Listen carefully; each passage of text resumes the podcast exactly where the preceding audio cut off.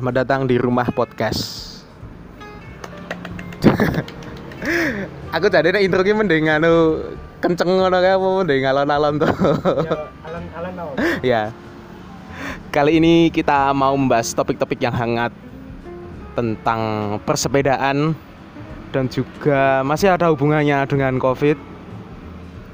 Tak bosan-bosan juga kita saling mengingatkan, oh aku punya suatu hal yang menarik teman-teman dari quotes-nya Erik Sukamti beberapa waktu yang lalu kan dia sudah lama tidak aktif lagi di YouTube kemudian mengatakan suatu quote, quotes yaitu nggak ada sejarahnya kaum selonjoran menjadi pahlawan itu benar-benar sedikit eh, memantik rasa jiwa semangat muda yang ingin membara lagi gitu.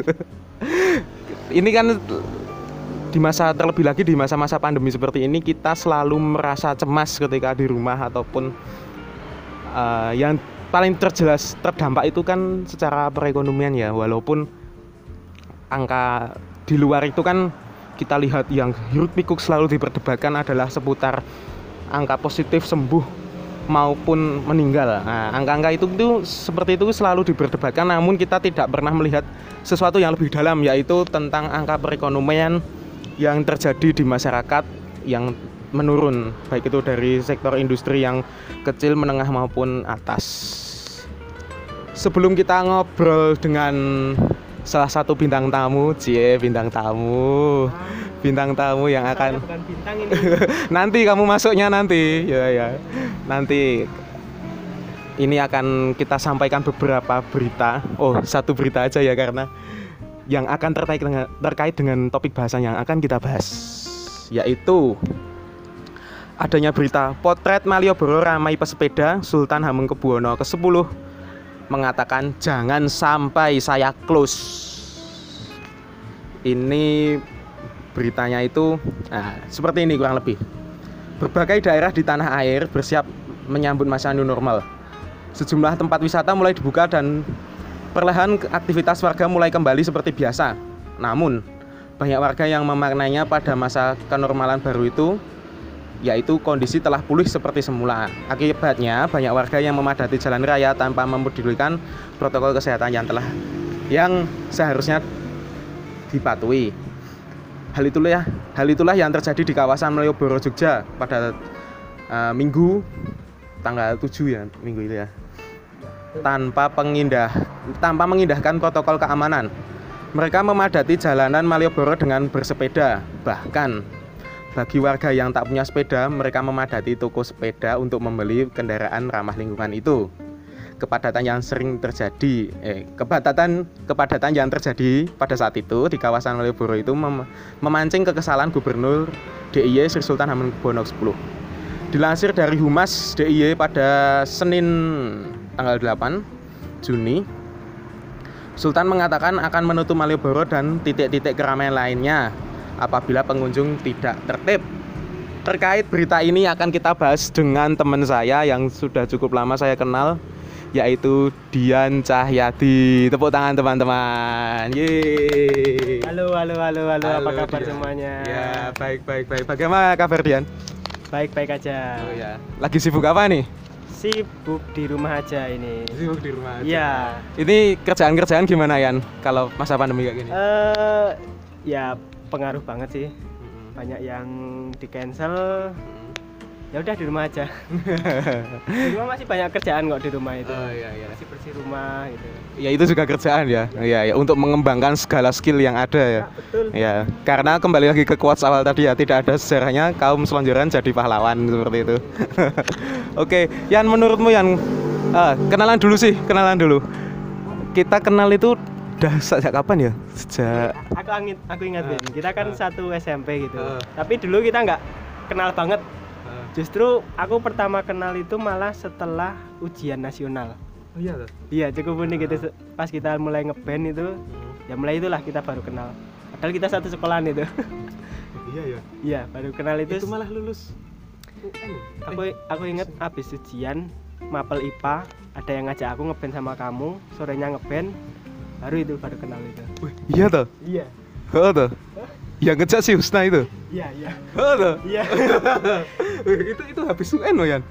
iya itu habis UN mapel IPA aku inget hari keempat Kok ingat banget ya kamu?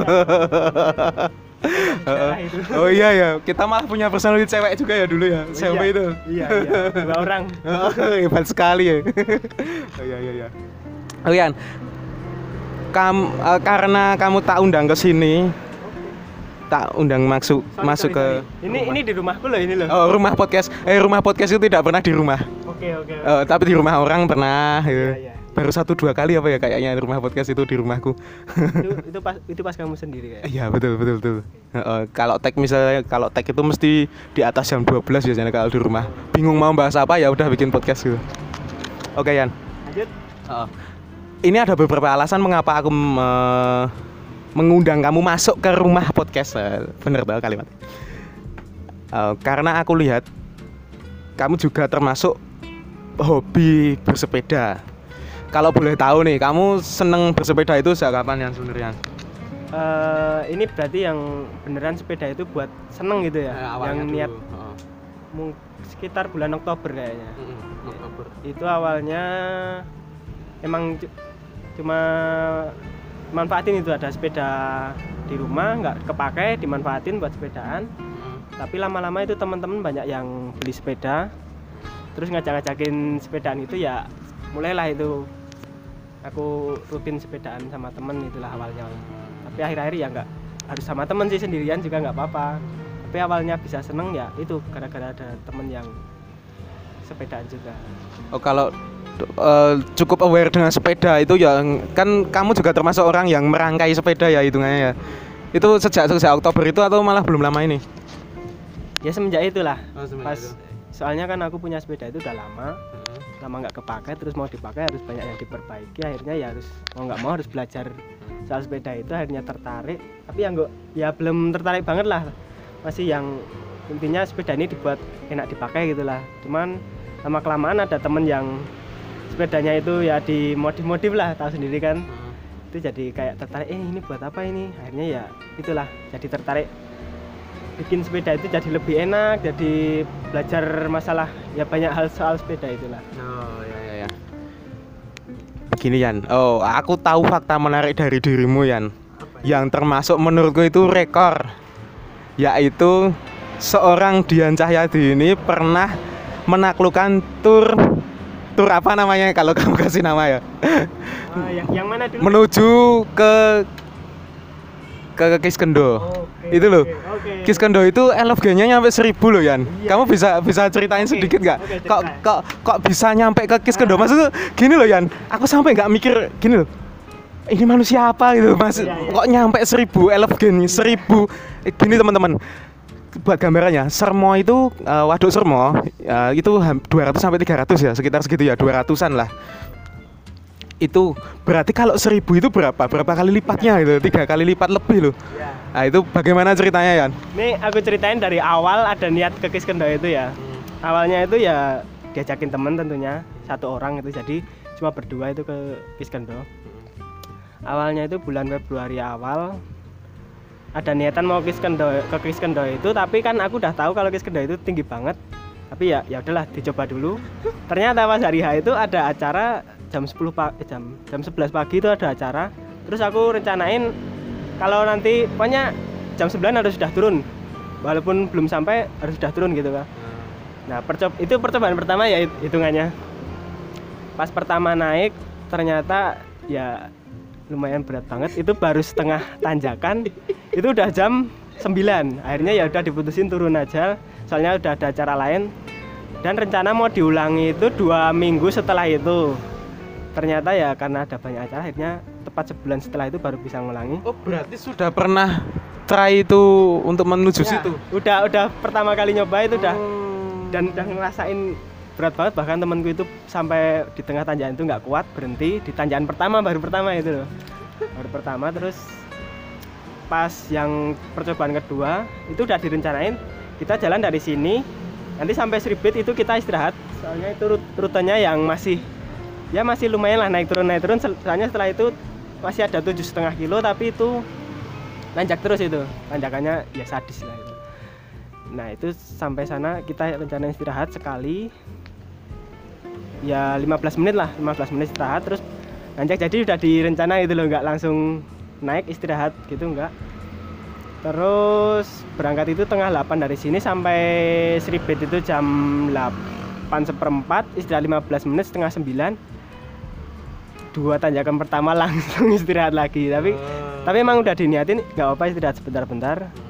Akhirnya ya istirahat itu satu dua. Berapa kali yang ketiga itu hampir lama soalnya ada orang di situ jadi ngobrol sama warga sekitar situ. Terus empat empat kali sama itu jajan di warung ya. beli beli minuman. Soalnya minumannya habis itu di jalan. Eh. satu botol itu habis. Akhirnya beli minuman sampai atas itu jam 10 berarti itu berapa jam itu? Setengah 8 startnya setengah delapan. Sampai sana setengah jam 10 pagi pas.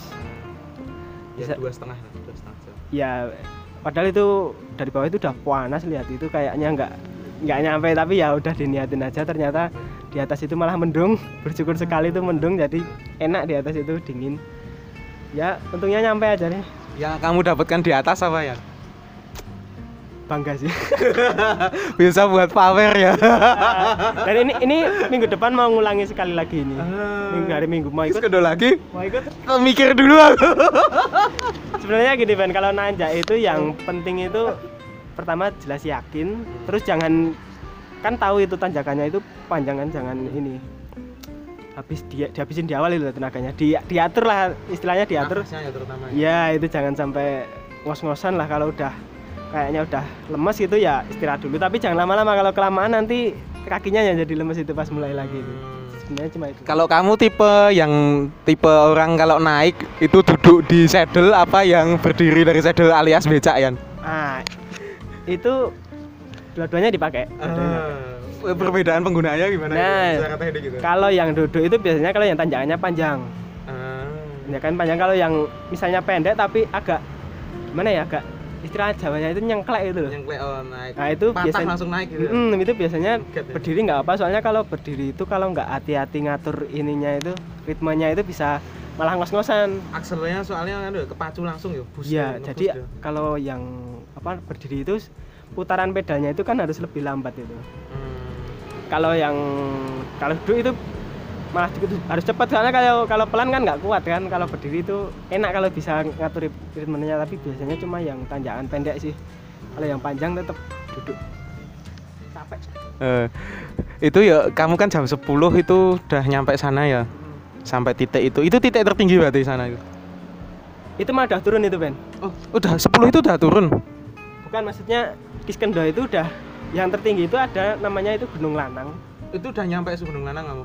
Ya udah lewat Udah lewat lagi. ya udah Kiskendo itu justru mah turun lagi Berarti tertinggi itu Gunung Lanang. iya Oh. kalau dilihat ketinggian dari atas permukaan laut itu sih Gunung Lanang iya iya iya Terus udah berarti itu hitung- hitungannya udah turun ya? Eh, udah sampai finishnya. Terus kamu em, memutuskan pulangnya jam berapa itu? Setelah sampai sana. di sana itu nggak lama kok paling cuma 15 menit soalnya buru kesiangan kan Hmm. kalau turunnya enak cuma capek ngeremnya soalnya kan rem Banyak, banyak turunnya ya?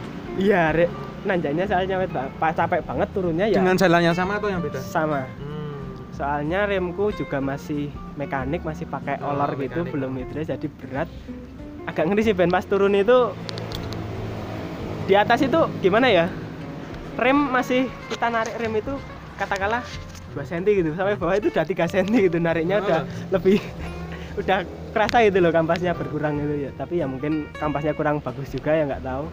Tapi ngeri juga sih Berarti turunnya. kamu nggak berani berdiri itu ya? berdiri sampai ngerem gitu nggak berani ya? nggak nggak berani itu. Sampai bawah itu udah jari itu udah lemes lah pokoknya itu. Soalnya kalau sampai di situ aku pas berhenti ketemu warga itu kan diceritain pernah ada itu road bike tapi road bike kan bahannya karbon ya. Ya, turun itu ketemu itu apa kena kerikil terus guling mulai. forknya itu patah Pokoknya patah. ya sampai segitunya Kalau karbon itu memang rawan patah tuh yang sebenarnya. bisa dibilang gitu gitu tadi. Kalau misalnya peyok pun nggak bisa diperbaiki karbon itu. Yang- Tapi enteng. iya Ya, ringan tuh. ringannya bahannya ringan Heeh. kelebihannya itu Oh, iya, iya.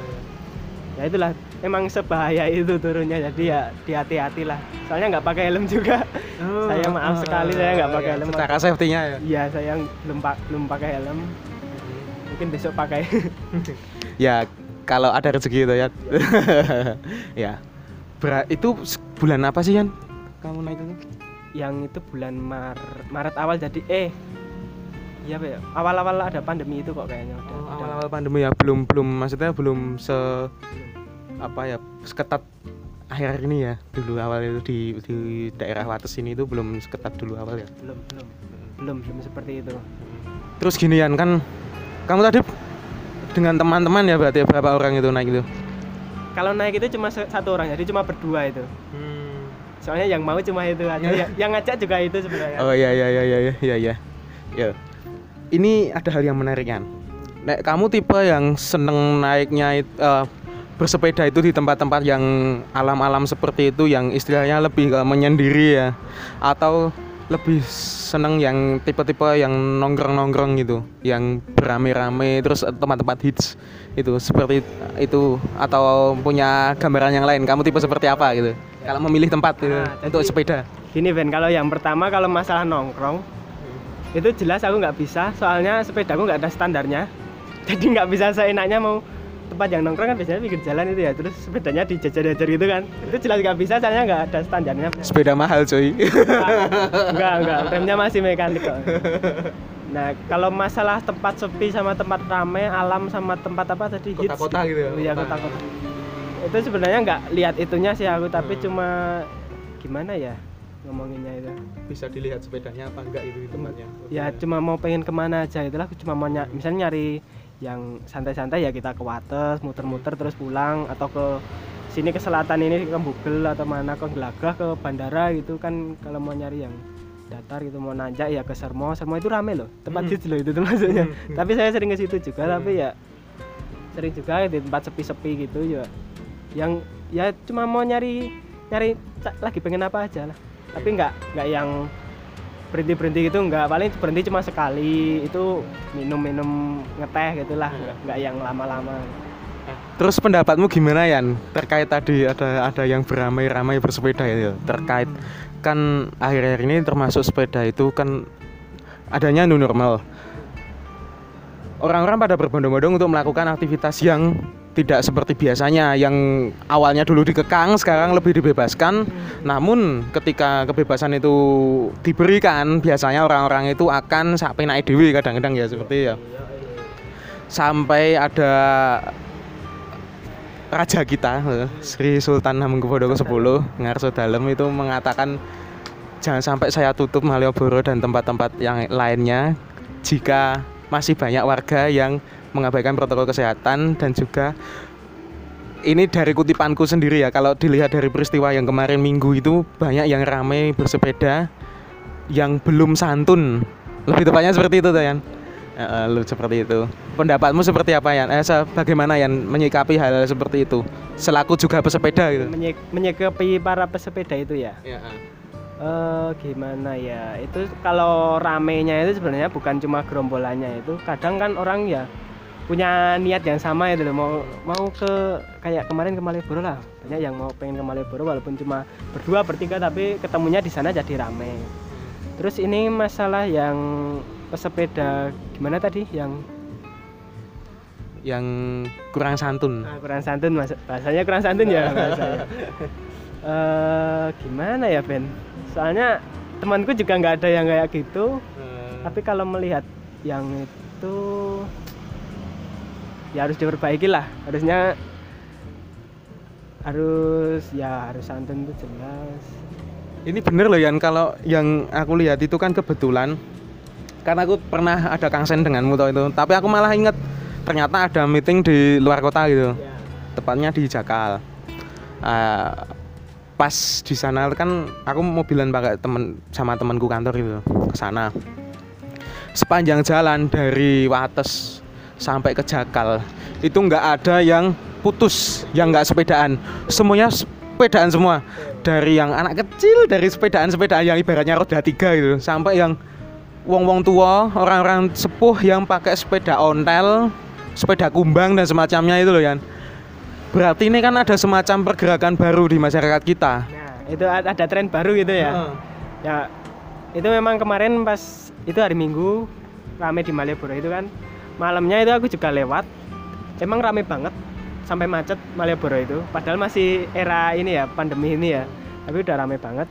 Terus paginya itu saya juga keluar itu juga banyak yang sepedaan tapi sebenarnya kalau masalah sepedaannya itu itu tren yang positif itu loh Iya. orang sepedaan itu positif tapi cuma butuh inilah apa ya namanya itu kayak bimbingan tapi bukan Edukasi. ah edukasi gitulah kayak orang berkendara motor pun masih banyak edukasinya kan ya. Kurang lebih seperti itu. Ki- kita janganlah kalau mau menghujat itu kayaknya bukan solusi itu loh. Ada pesepeda yang apa tadi tadi? Kurang sopan? Kurang aku lupa Kurang santun lah. kurang santun. Ya kurang santun itu kalau mau kita hujat ya nggak. Masalahnya itu kan kegiatan positif itu cuma caranya aja yang kurang bener ya kalau bisa kita ingetin kalau ada temen yang kayak gitulah minimal gitu. Kalau yang jauh-jauh ya kan kita nggak tahu. Bener bener bener. soalnya kalau kita lihat tadi ya misalnya kan kalau ada beberapa aturan misalnya kamu bepergian tidak boleh melebihi dari lima orang ya. Kamu rombonganmu cuma lima orang. Tapi pada suatu titik itu nggak mungkin toh cuma lima orang jadinya. Nanti mas pasti akan banyak orang di sana dengan pemikiran yang sama. Aku rombonganku lima lah aku sudah bawa lima kok ke sana lima lima lima jadinya banyak. Iya karena ya itu nggak cuma di sepedanya aja maksudnya di beberapa kegiatan pun harus kita jaga jarak ya. Jadi ya lebih ke kesadarannya sendiri sih. Wala- walaupun itu pas sepedaan pas apa aja harus tetap jaga jarak itulah. Nah itu temanku itu yang ikut ke Kiskendo itu. Hebat ya. Kaki-kaki robot oke lanjut yang tadi. Oh ya ini masalah yang enggak yang nggak akan selesai ya? Bukan nggak selesai sebenarnya. Apa lebih gak pak? Ya itu kan tren gitu loh. Ah, ah. masalah tren topik juga gitu loh. Siap. Ada It- kan sekarang ya trennya itu topiknya ya masalah orang sepedaan itulah ya lagi disorot tapi ya ada untungnya sih Mm. menurutku soalnya sebenarnya kalau yang sepedaan istilahnya kurang santun gitu sampai yang itu yang menuin jalan sampai yang apa nggak di klakson nggak mau itu sebenarnya udah dari dulu menurutku Iya. dari dulu itu udah ada cuman mungkin banyak masyarakat itu yang udah merasa tapi nggak diungkapin itu loh terus kemarin ada yang triggernya cara-cara itu Iya. terus jadi Momennya pas ya. Nah, menurutku malah justru ini sesuatu yang baik lah buat buat perbaikan para pesepeda yang seperti Iya, itulah. iya, contohnya. iya. Soalnya ya itu balik lagi sepeda itu kan tujuannya itu biar sehat, mengurangi polusi juga. Iya. Jadi nggak ada negatifnya lah gitu lah. Aku ada opini ya ini Yan. Kalau menurutku ya,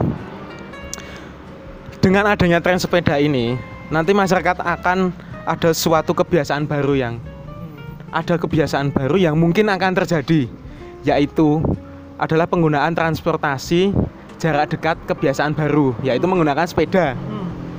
Apakah apakah hal itu bagus? Itu tidak bagus Yan. Itu lebih keren untuk dibully. wait, wait, wait, wait.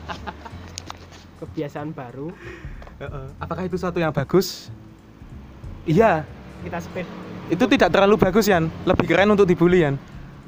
Oh. Secara oke. masyarakat sekarang. Oke, Tahu maksudku? Oke, oke. Iya, I know, kan? I know, I know, Iya, I know. kan? Iya. Sebenarnya nggak cuma ya kita sudah belajar dari yang lalu-lalu gitu kan. Berubah itu memang sulit sih diterima. Apalagi sebenarnya sepeda ini tercetusnya tren ini itu malah sejak lama sih Yan menurutku Yan. Dulu-dulu kan sudah ada yang namanya Wates Last Friday Ride, ada yang Jogja Last Friday Ride. Itu kan malam. Ya, Terus tapi nek menurutmu itu yang sekarang bikin bisa jadi hype itu apa nek menurutmu loh? bukan bukan itu sih bukan bukan komunitas-komunitas itu karena komunitas-komunitas itu Udah dari itu dulu. uh, udah dari dulu dan Sampai sekarang tidak terlalu aktif Ya, sekarang ini lebih ke persen to persen sih Yan ya. karena apa ya aku nggak tahu sih yang menaikkan karena kebetulan kita itu kan juga nyepeda tapi sebelum adanya tren ini loh maksudnya tiba-tiba boom itu loh Oh yang yang akhir-akhir ini itu emang mungkin ya kan banyak yang di rumah aja gitu kan. Jadi kayak Eh, tapi kok mereka punya tabungan ya Ben? Ya punya lah tepan lah. Kan nggak ada kerjaan kok bisa beli sepeda tapi mungkin ya itu mereka ya mungkin ngejual sepetak tanahnya buat mere- sepeda. mereka mau apa refreshing kan udah di rumah aja mau refreshing tapi tempat hiburan ditutup tempat wisata ditutup ya udah beli sepeda itu mungkin. Sepeda mungkin pilihan yang cocok sih Yan menurut Yan hmm iya setuju. Ini ini sepeda banyak banget ya. Eh, ya walaupun nggak banyak terlalu banyak. Tapi ini kalau eh, just for info ya teman-teman ini, ini- di, saya lagi di depan di depan rumahnya Dian. Di depan rumahnya Dian itu adalah jalan dari Wates Kota menuju ke selatan. Bisa ke arah pantai bisa ke arah ya mana aja sih jalur selatan ya lebih tepatnya ya. Ke arah Bantul juga bisa. Ya begitulah kalau menyikapi hal yang berbau sepeda ini ya memang kita harus hati-hati sih Yan. Kita harus santun juga.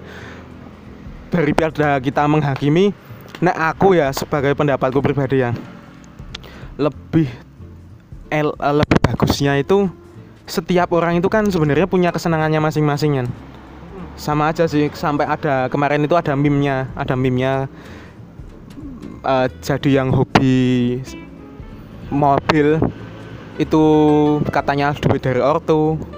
Mau memodif motor juga katanya anak ugal-ugalan. Yang paling bener itu emang anak eh, sepedaan juga iya di jalan ngawur gitu ibaratnya. Yang paling bener itu cuma jadi pejalan kaki. Terus sama gambarnya itu ya kurang etis lah maksudnya. Iya, iya. di situ meme tapi se- sebagai sindiran bahwa kita itu apa pun itu dijadikan sebagai serba salah ya menurutku Yan. Karena menyikapi hal, hal seperti itu ada beberapa golongan itu yang merasakan bahwa saya akan keren ketika bisa mengomentari kebiasaan orang lain. Dan itu sangat disayangkan menurut Yan. Padahal setiap orang itu Iya. merasa lebih benar daripada yang lain. Padahal setiap orang itu punya kebenarannya masing-masing yang harus kita toleransi. Seperti itu. Oke oke oke oke. Kalau menurutmu yang dari adanya tren sepeda dan semacam ini dan apalagi di tengah pandemi seperti ini. Apa yang harus kita lakukan dari segala aspek sih Yan? apa yang harus kamu lakukan? Harus harus kita lakukan. Sepe- sepedaan pas masa pandemi gini? Oh, Eh, yang harus aku lakukan? Kan kalau pandemi ini yang dihindari kan kerumunan. Paling penting itu ya kerumunan itu selama aku sepedaan jarang sih nemu kerumunan mungkin ya cuma kalau pas di warung itu warungnya rame ya udah nggak usah berhenti pindah ke tempat lain aja. Itu seperti itu sih kalau aku. Kalau masker itu soalnya kalau sepedaan agak ini ya apa? Ya ya asupan oksigennya ya. Nah tapi biasanya ya di, tetap pakai tapi kalau pas tempatnya agak sepi itu dibuka. Kan nggak apa-apa ya asalkan nggak ketemu orang lain lah itu. Oh ya. tapi ya nggak tahu juga sih kalau pendapatku ya Kak, memang gini sih ya, menurutku ya. Kalau dari kondisi yang dialami ya, apalagi kalau pas naik tanjakan itu kan pakai masker itu sangat menghalangi, memang sangat menghalangi. Ya, ya so far kemu- kemungkinan besarnya kalau di tanjakan itu mesti sepi dari orang. Hmm. Dan dari pesepeda pun jarang memakai masker kalau pas lagi di tanjakan seperti itu. Ya, paling enggak dibuka pa- bagian hidungnya itulah pas bagian hidungnya itu dibuka biar enggak ya. Dan dari sekian obrolan ini ada hal yang perlu diperhatikan teman-teman sekali lagi bahwa setiap orang itu punya kesenangannya masing-masing, punya baik itu yang punya hobi koleksi, yang punya hobi dengerin musik, hobi eh, merawat mobil, motor, Ya. sepeda dan semacamnya itu. Alangkah baiknya itu kita punya trennya masing-masing. ya dan enggak ngerugiin orang lain yang Ya. penting kan itu. Jadi kan ya kayak ini sepedaan itu positif tapi jangan sampai ngerugiin orang lain yang berkendara yang lain ditutupin gitu. Jangan sampai gitu begitu juga dengan hobi-hobi yang lain itu kan daripada kita yang negatif lah kegiatannya mending ya ada hobi gitu kan cukup positif kan. Tapi jangan sampai ngerugiin orang lain yang penting kan itu kalau menurut saya. Ya tetap terus bergerak dan jangan lelah untuk berhenti berkarya apa pun medianya. Semoga teman-teman tetap bisa mensehatkan mensejahterakan pikiran ketika di era pandemi ini dan tetaplah jaga kesehatan. Sampai jumpa di podcast selanjutnya. Terima kasih teman-teman. Saya dan Ruben undur diri. Eh saya dan Ruben saya dan Dian. Sampai jumpa di episode podcast Rumah Podcast selanjutnya. Dadah.